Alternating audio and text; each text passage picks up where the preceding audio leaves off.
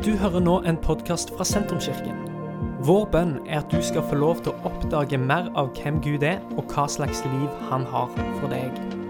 Mer informasjon om hvem vi er og hva som skjer i kirka, befinner du på sentrums.no og i sosiale medier. Veldig gøy å være her sammen med dere igjen. da. Jeg er jo halvt rogalending. Yes. Så hvis det er noe dere ikke liker med meg, så er det den delen av slekta som kicker inn. Fatter er fra Skien. Nei, det er han ikke. Mutter er fra Skien. Fatter er fra Sandnes. Og for 30 år siden nesten så flytta jeg hit sjøl og studerte på det som nå er Universitetet i Stavanger. Så tok jeg til vettet og flytta hjem igjen etter det. Men det er veldig gøy å være her sammen med dere. Jeg er jo her litt for å snakke, ikke for å selge bøker, først og fremst, men for å snakke om en tematikk som jeg syns er uh, veldig veldig viktig. Og Dere snakker jo om etterfølgelse. Det er jo sykt viktig.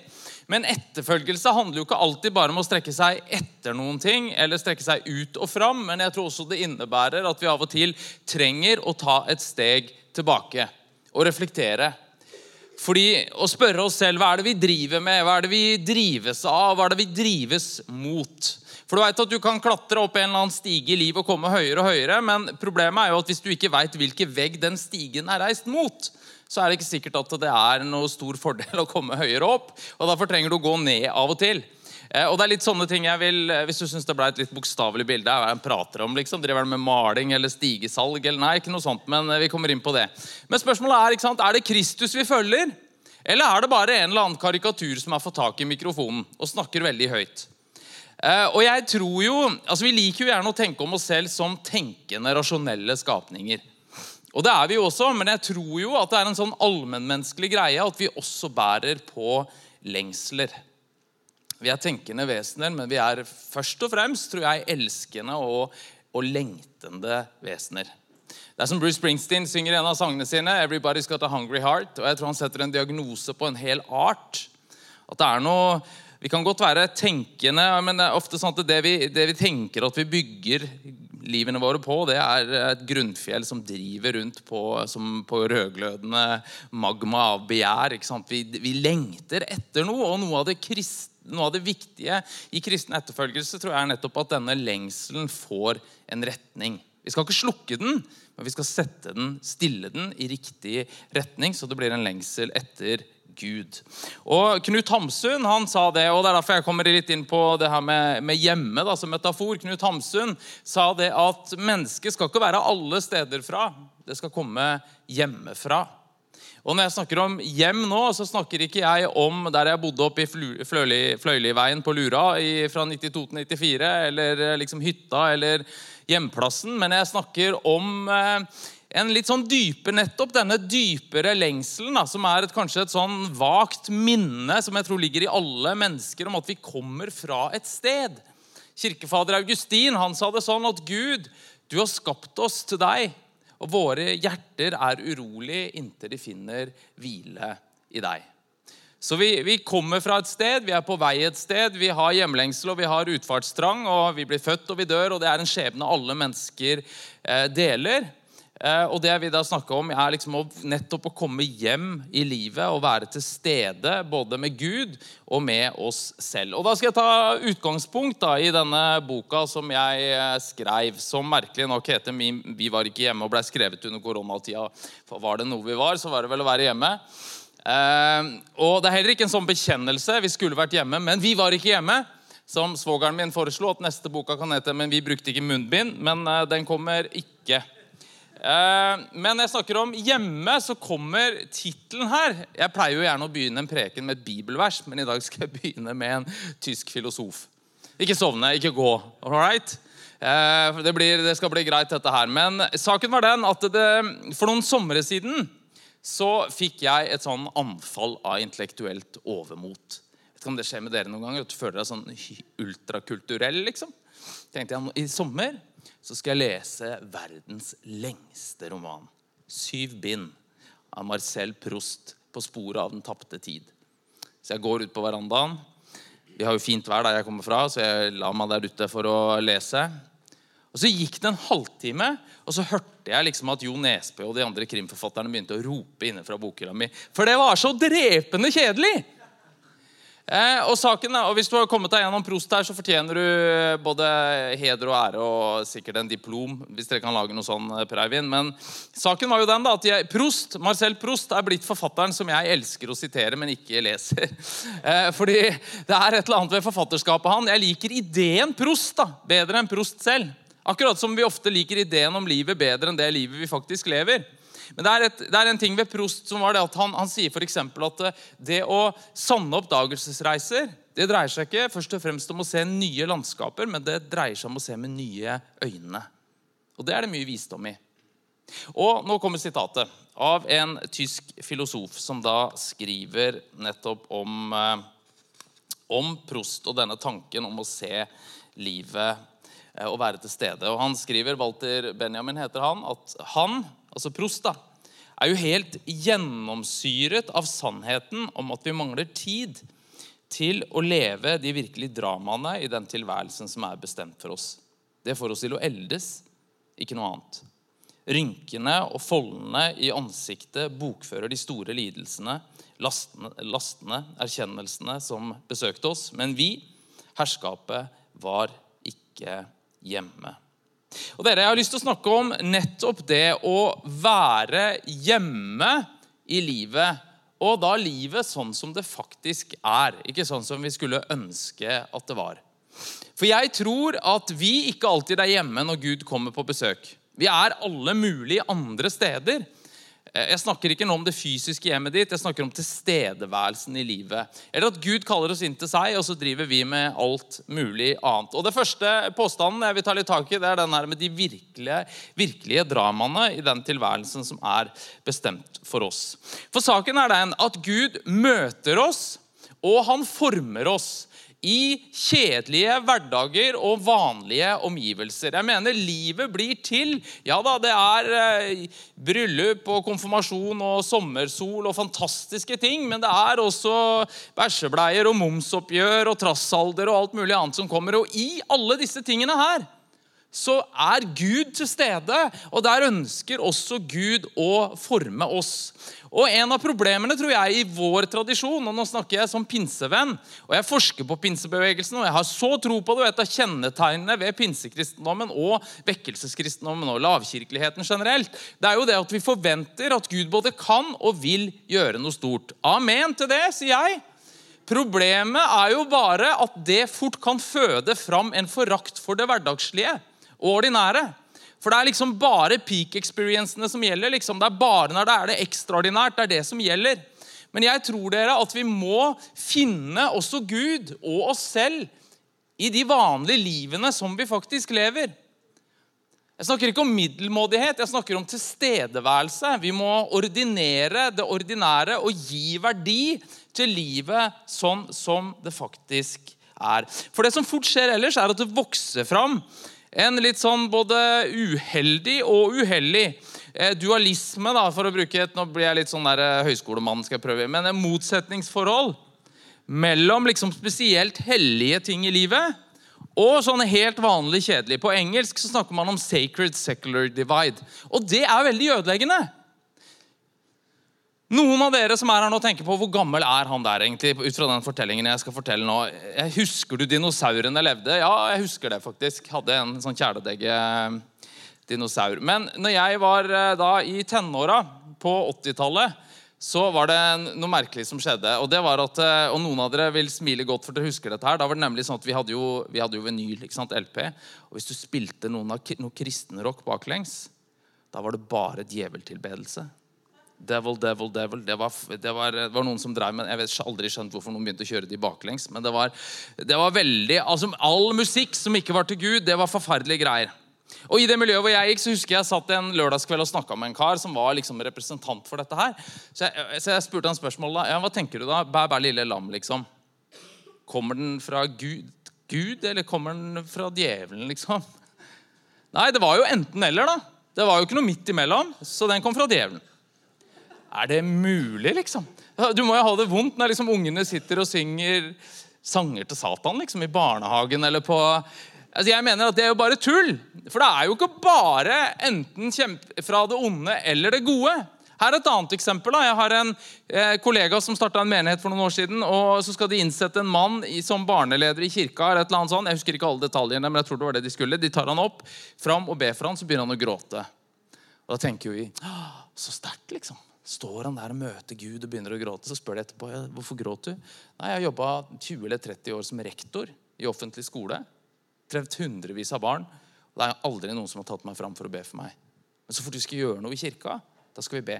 Og nå spenner ikke jeg bein under det Per Eivind sa, at vi trenger noen til tjeneste i kirka. Jeg tror det er viktig. Men det er jo ikke bare sånn at det er deler av livet vi lever for Gud, som er viktig. Og noen av oss er heldige å få tjene Gud på fulltid, liksom, mens dere andre tjener Gud på deltid. Fra ti til ett hver søndag. Annenhver kanskje til og med. Det er jo ikke sånn. Hele livet er innblåst av Gud. Og hele livet skal leves for Gud. Og i alle tingene vi går igjennom, så trenger vi også å finne Gud. Og derfor trenger, trenger vi altså Saken er jo sant, at livet vårt trer jo ikke fram bare i høydepunktene, men alle tingene vi går igjennom, i skjæringspunktene mellom det gode og det dårlige. Og Da er det sommersol og stormnetter. Det er diadem og det er diaré. ikke sant? Sånn er det Sånn er det å være menneske. Og i alle disse tingene så trenger vi å finne Gud. Vi trenger å trene tilstedeværelsen. Og Det er en siddis som har snakka så bra om dette her. Dere husker kanskje Per Fugelli. Han hadde vel en hytte ute på Jæren også stadig oppe i Botanisk hage i Oslo og stjal eh, blomster og greier. Men han bruker dette ordet nok-punktet. At vi må sette et punkt hvor det er godt nok. For vi lever i en kultur, for å bruke hans fine ord. Han snakket om formegethetens patologi. Vi vil alltid mer. Alt skal bli større og bedre og heftigere. Ja, men det skaper bare tapere. For vi må finne nok punkter hvor det er godt nok. Og jeg vet Det jeg sier nå, høres ut som han bare lagt på røret og ligger bare og venter på og har gitt opp alt hvis du sier at det er godt nok. Men dere, det er jo helt greit å leve et helt greit liv. Jeg mener, Det er helt bra å være bra nok. Trenger jo ikke være verdensmester i alt. La meg være veldig personlig. Gro og jeg vi starta Salt Skien for eh, ja, nå blir det snart fem år siden. Eh, I fjor høst så måtte jeg kaste inn håndkleet. Vi måtte trekke oss som pastorer. Jeg har fibromyalgi, som er en sånn eh, rar sykdom som gir vondt her og der. Jeg kunne ikke mer. Var det bra? Nei, det var noe dritt. Var det det vi ville? Nei, det var det ikke. Men det var det vi måtte gjøre. Men jeg kan jo ikke tenke at da, må, da, er jeg borte fra alt, og da kan jeg ikke tjene Gud lenger. Nei. Altså, Jeg må finne Gud i det òg. Jeg må være hjemme i det livet jeg faktisk lever. Og ikke gråte over alt jeg ikke fikk, men forvalte det jeg faktisk fikk. Så dere, vi trenger å trene tilstedeværelsen, sånn at vi finner oss selv og Gud der hvor vi faktisk er. Bibelboka begynner jo med at mennesket er skapt i Guds bilde. Og dere, det er vårt adelsmerke. Det sier noe om hvem vi er, at helt uavhengig av hva du får til og ikke, så er du verdifull, for Gud har skapt deg i sitt bilde. Men det er ikke bare vårt adelsmerke, det er også vår akilleshæl. For noe av problemet er at denne gudsgnisten den skaper lengsler i oss etter å gjøre noe stort. Og det overstimuleres i samfunnet vi lever i. Med alle sosiale medier og sammenligninger og hurrarop og likes og alt mulig, så skal vi liksom Du må opp og fram hele veien. Andy Warhol, kunstneren, sa på 60-tallet at In the future, everyone will have their 15 minutes of fame. Og det er jo det vi skal. Vi må jo bli berømt. Og folk gjør jo de rareste ting for å bli berømt. Det sier vel sitt at i 2014 så var det flere søkere i Sverige til Paradise Hotel enn til landets lærerutdanninger. Det sier litt om svenskene, men det sier søren meg litt om tida vi lever i òg. Så vi må trene tilstedeværelsen. Og så må vi også gjøre dette her med engasjement. da. Jeg tror jo virkelig på engasjement i menighet. Og Det kan jo uro meg som kristenleder at det ser ut som det liksom er et eller annet med joggebuksene som har grodd fast i sofaen til en del mennesker. Man kommer seg, Det er bare serier. liksom, Man kommer jo ikke i gang igjen. Og det er I en verden med så store behov som vår, så trenger vi ikke færre hender i sving. Vi trenger flere. Men det kan også være en fare i våre tradisjoner at vi kommer inn i en sånn tanke om at Gud er et slags halvfabrikat. liksom. Han er ikke helt Gud hvis ikke jeg sliter meg ut. Men det er han. Så vi skal gjøre noe. Men vi må også gjøre det på en måte hvor vi setter grenser og skaper rytmer av å koble på og å trekke oss tilbake i livet vårt. Og Det er det neste punktet her. Vi mangler tid til å leve. Og La meg snakke litt om tid. Eh, og så vil jeg adressere denne påstanden som vi hører litt for mye, at vi har for lite tid i vår tid. Det viser forskningen at ikke vi har. Altså, det er mye tidsforskning som viser at i Vest-Europa og Nord-Amerika har vi aldri hatt så mye tid som nå. Så problemet er nødvendigvis ikke mangel på tid. Problemet er mangel på det som Thomas Hylland Eriksen, eh, sosialantropolog, han skrev en bok, veldig god bok for 20 år siden som het 'Øyeblikkets tyranni'. og Der snakker han om ulike typer tid. Problemet er at vi mangler den langsomme tiden. Det skjer noe hele tida. Arne Johan Vetlesen, en annen, en annen, professor på Universitetet i Oslo, han er filosof, han snakker om det døgnåpne mennesket. Altså Mens man i før i større grad var styrt av Eh, av eh, årstider, av sant, at lyset går på, det er lys mørkt på natta. Altså, hele, hele, livet vårt var mer styrt av ytre ting. Så er vi alltid på. Og Han sier vi er sjelden avkobla. I beste fall så er vi i en type sånn eh, dvalemodus. liksom. Vi er alltid på. Vi kan alltid svare på noe. Jeg hadde en kompis uh, i Skien som var pastor. Han, han fortalte meg da han hadde fått en melding ti over tolv om natta på Messenger. 'Jeg trenger å prate med deg', svarer vedkommende, skriver vedkommende. og han, han, begynner jo ikke da å ringe til folk kvart over, om, eh, kvart over tolv om natta. Så han legger bort mobilen, og om morgenen klokka sju igjen så skriver samme menneske 'Jeg prøver igjen'. What? Tror du han sitter oppe hele natta og venter på å snakke med folk? Men det er jo en sånn forventning til at alt skal skje så raskt. Og ikke sant? Fear of missing out. Det skjer noe rundt oss hele tida. Hvordan kan vi trene tilstedeværelsen til å være til stede her og nå?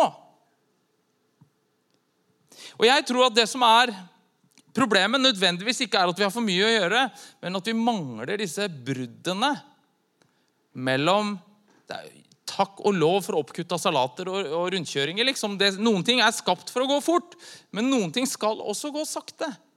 Du skal ikke komme deg gjennom en solnedgang som en bruksanvisning fra Ikea. liksom. Eller en Beethoven-symfoni som en uh, tunnel på Vestlandet. Noen ting skal gå sakte.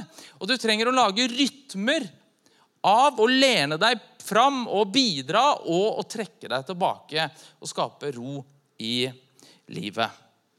Og Da må vi temme tiden. Så Vi må trene tilstedeværelsen og så må vi temme tiden. Og Dette har Per Eivind snakka så bra om under eh, korona, det her med å leve med marg i livet. ikke sant? at vi passer på at når vi får boka utdelt, så lager vi en marg, så Gud altså har noe rom i livet vårt til å kunne Men det har dere snakka om her, så det trenger jeg ikke bruke mye tid på. Men vi trenger å lage rom for, eh, for, eh, for langsom tid, for lange tanker. Og vi må bryte dette produksjonsjaget som vi alltid blir stående oppi. og nå bare for å, altså Jeg er en junkie på bokstavrim. da, Det er sikkert en eller annen diagnose som kunne fått medisin. Men uh, altså jeg, altså, jeg har fire deler i boka, alle begynner på T. Og når jeg snakker om å temme tiden, så skriver jeg om fire ting på S. Men uh, sånn er det. Uh, og Jeg skal ikke snakke om alle, men en er sabbat. Som ikke betyr hvile, men som betyr stopp. Og Du trenger et stopp i løpet av uka hvor du gjør noe annet. Du kan bare ligge og, slange, og slappe av hele tida, men du trenger å frede en annen type tid. Og så er det søvn. Søvn, ja. Du skal snakke om det i kirka, liksom. Ja, boka mi selges på blå resept for de, folk med søvnproblemer. Nei, men saken er den at søvnen er også under press. Det burde jo ikke være noe behov for liksom, noe teologisk begrunnelse for hvorfor vi skal sove. for Biologien sier jo tydelig ifra. Men hvem her er det ikke som kan kjenne det at nå veit jeg at jeg egentlig burde legge meg, men det er så mye jeg skulle hatt gjort, at jeg sitter og kutter ned på søvnen isteden. Men dere, hva om vi tenker om søvn som en åndelig disiplin? Det var det som endra det for meg. Dette er en åndelig disiplin hvor jeg legger meg i tro til Gud. Og tror at han holder min verden oppe når jeg går til sengs. For jeg må erkjenne mitt behov for søvn også. Jeg må erkjenne den rytmen som er skapt inn i hele skaperverket. Og Hør på dette sitatet her fra, fra Leif Gunnar Engedal, som har vært leder på på Modum Bad tidligere, i ferd med å bli en god venn. Han sier det sånn som dette her at å, Å bli trøtt og ikke makte mer, å kjenne grensene for egen yteevne og si nei og skuffe andres forventninger. Alt dette er i utgangspunktet skapelse, ikke synd.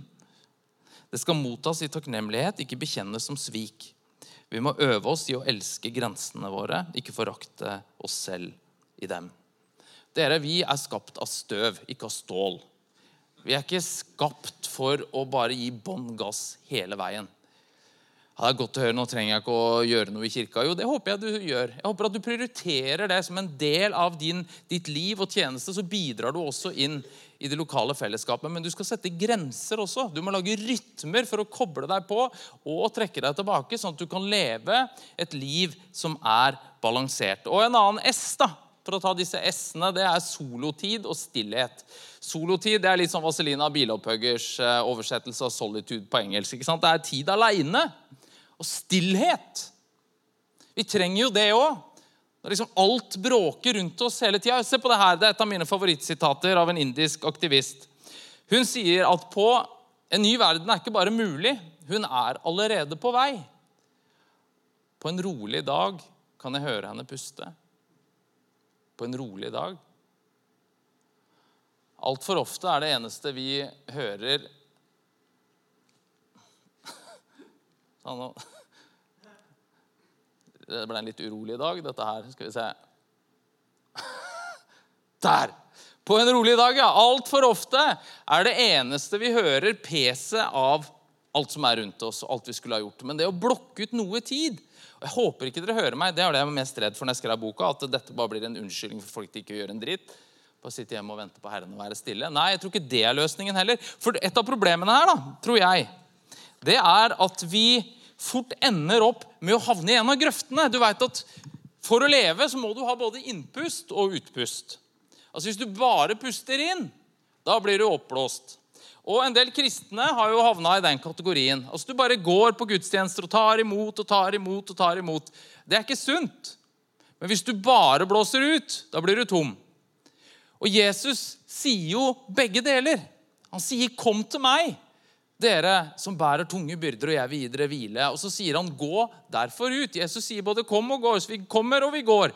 Vi lager rytmer for å strekke oss ut og trekke oss tilbake. Problemet er at vi fort havner i en av grøftene istedenfor å gjøre begge deler. Her borte har du de proaktive og innovative og handlingsorienterte. Det er de som sitter og hører på bøker om mindfulness på dobbel hastighet og ikke skjønner liksom hvorfor. Ikke, kan ikke ni kvinner være gravide en måned hver, så vi kan få ut den ungen litt fort, istedenfor at én kvinne skal gå i ni måneder? Og de trenger å lære seg å roe seg ned.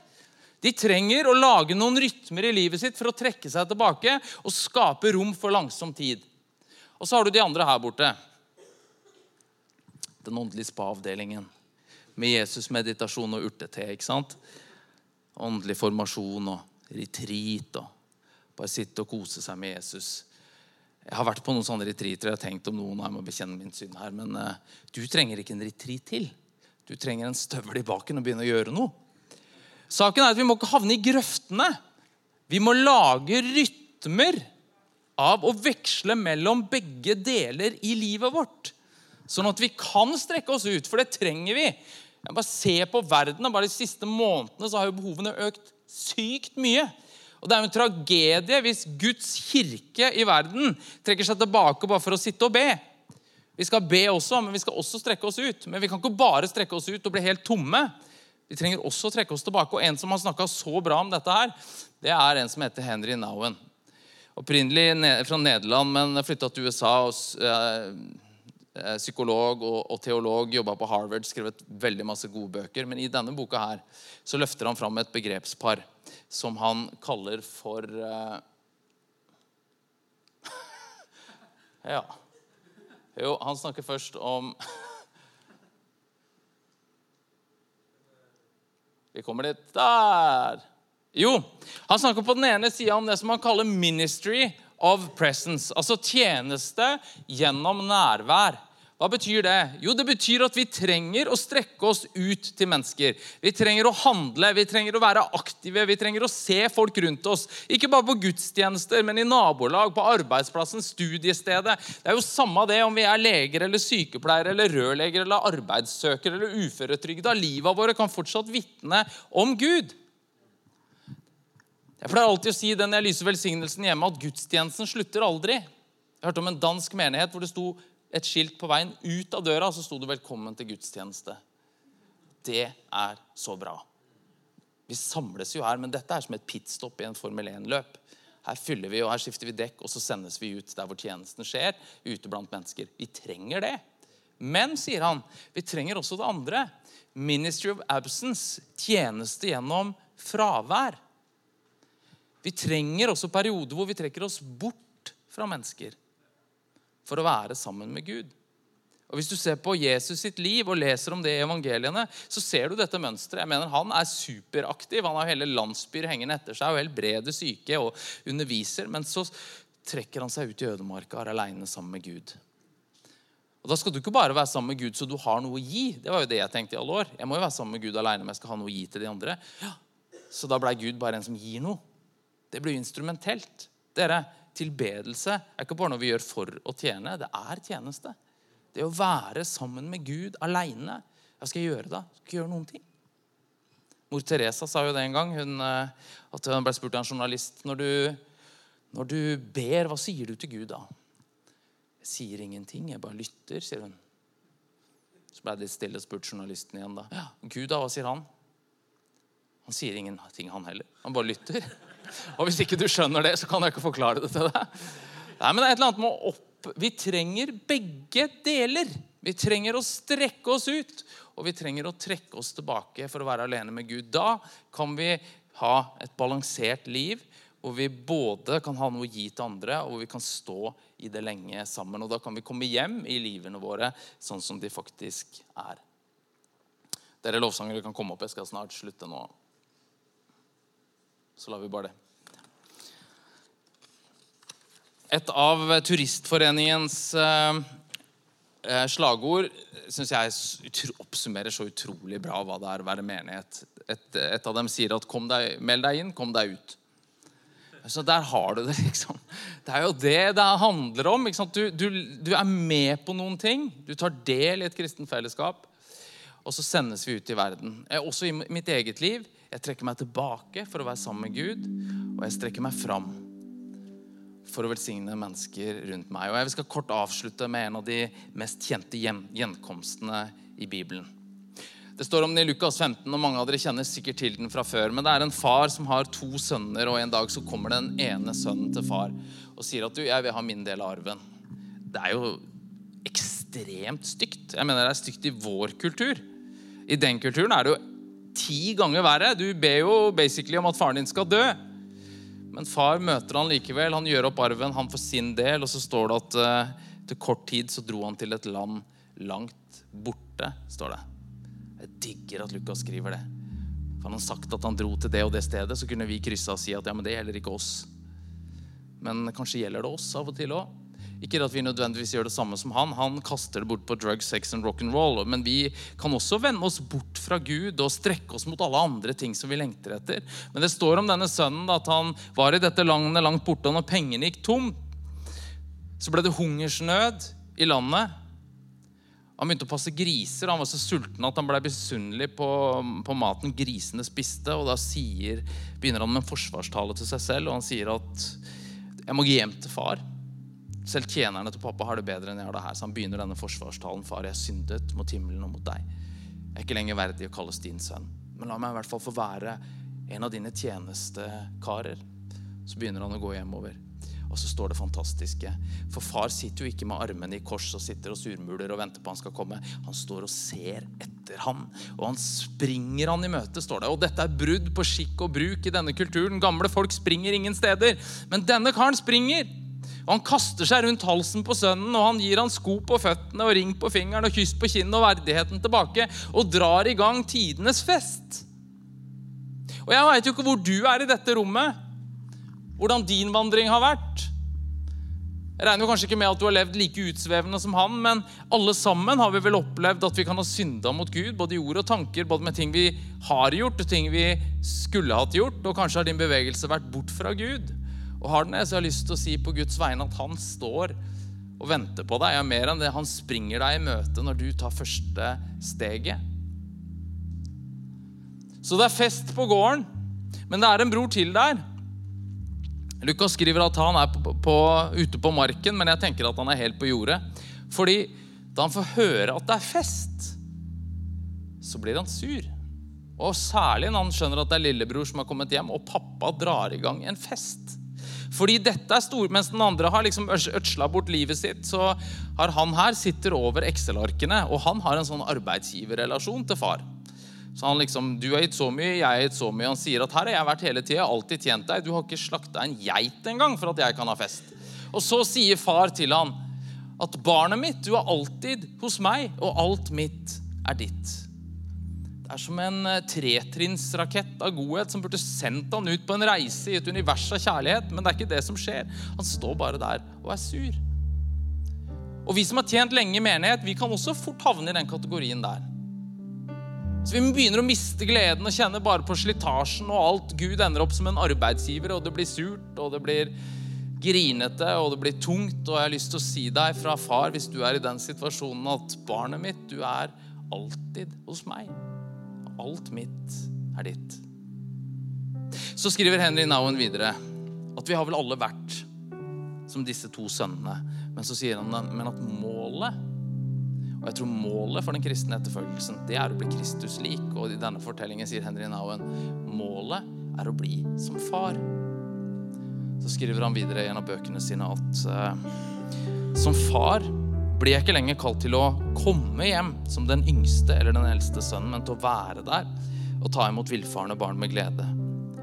Det er veldig vanskelig å bare være hjemme og vente. Det er å vente i sorg over dem som har reist, og vente med håp om å kunne tilgi og gi nytt liv til dem som vil komme hjem. Å leve ut dette åndelige farskapet eller morskapet krever den radikale livsholdningen av å forbli hjemme.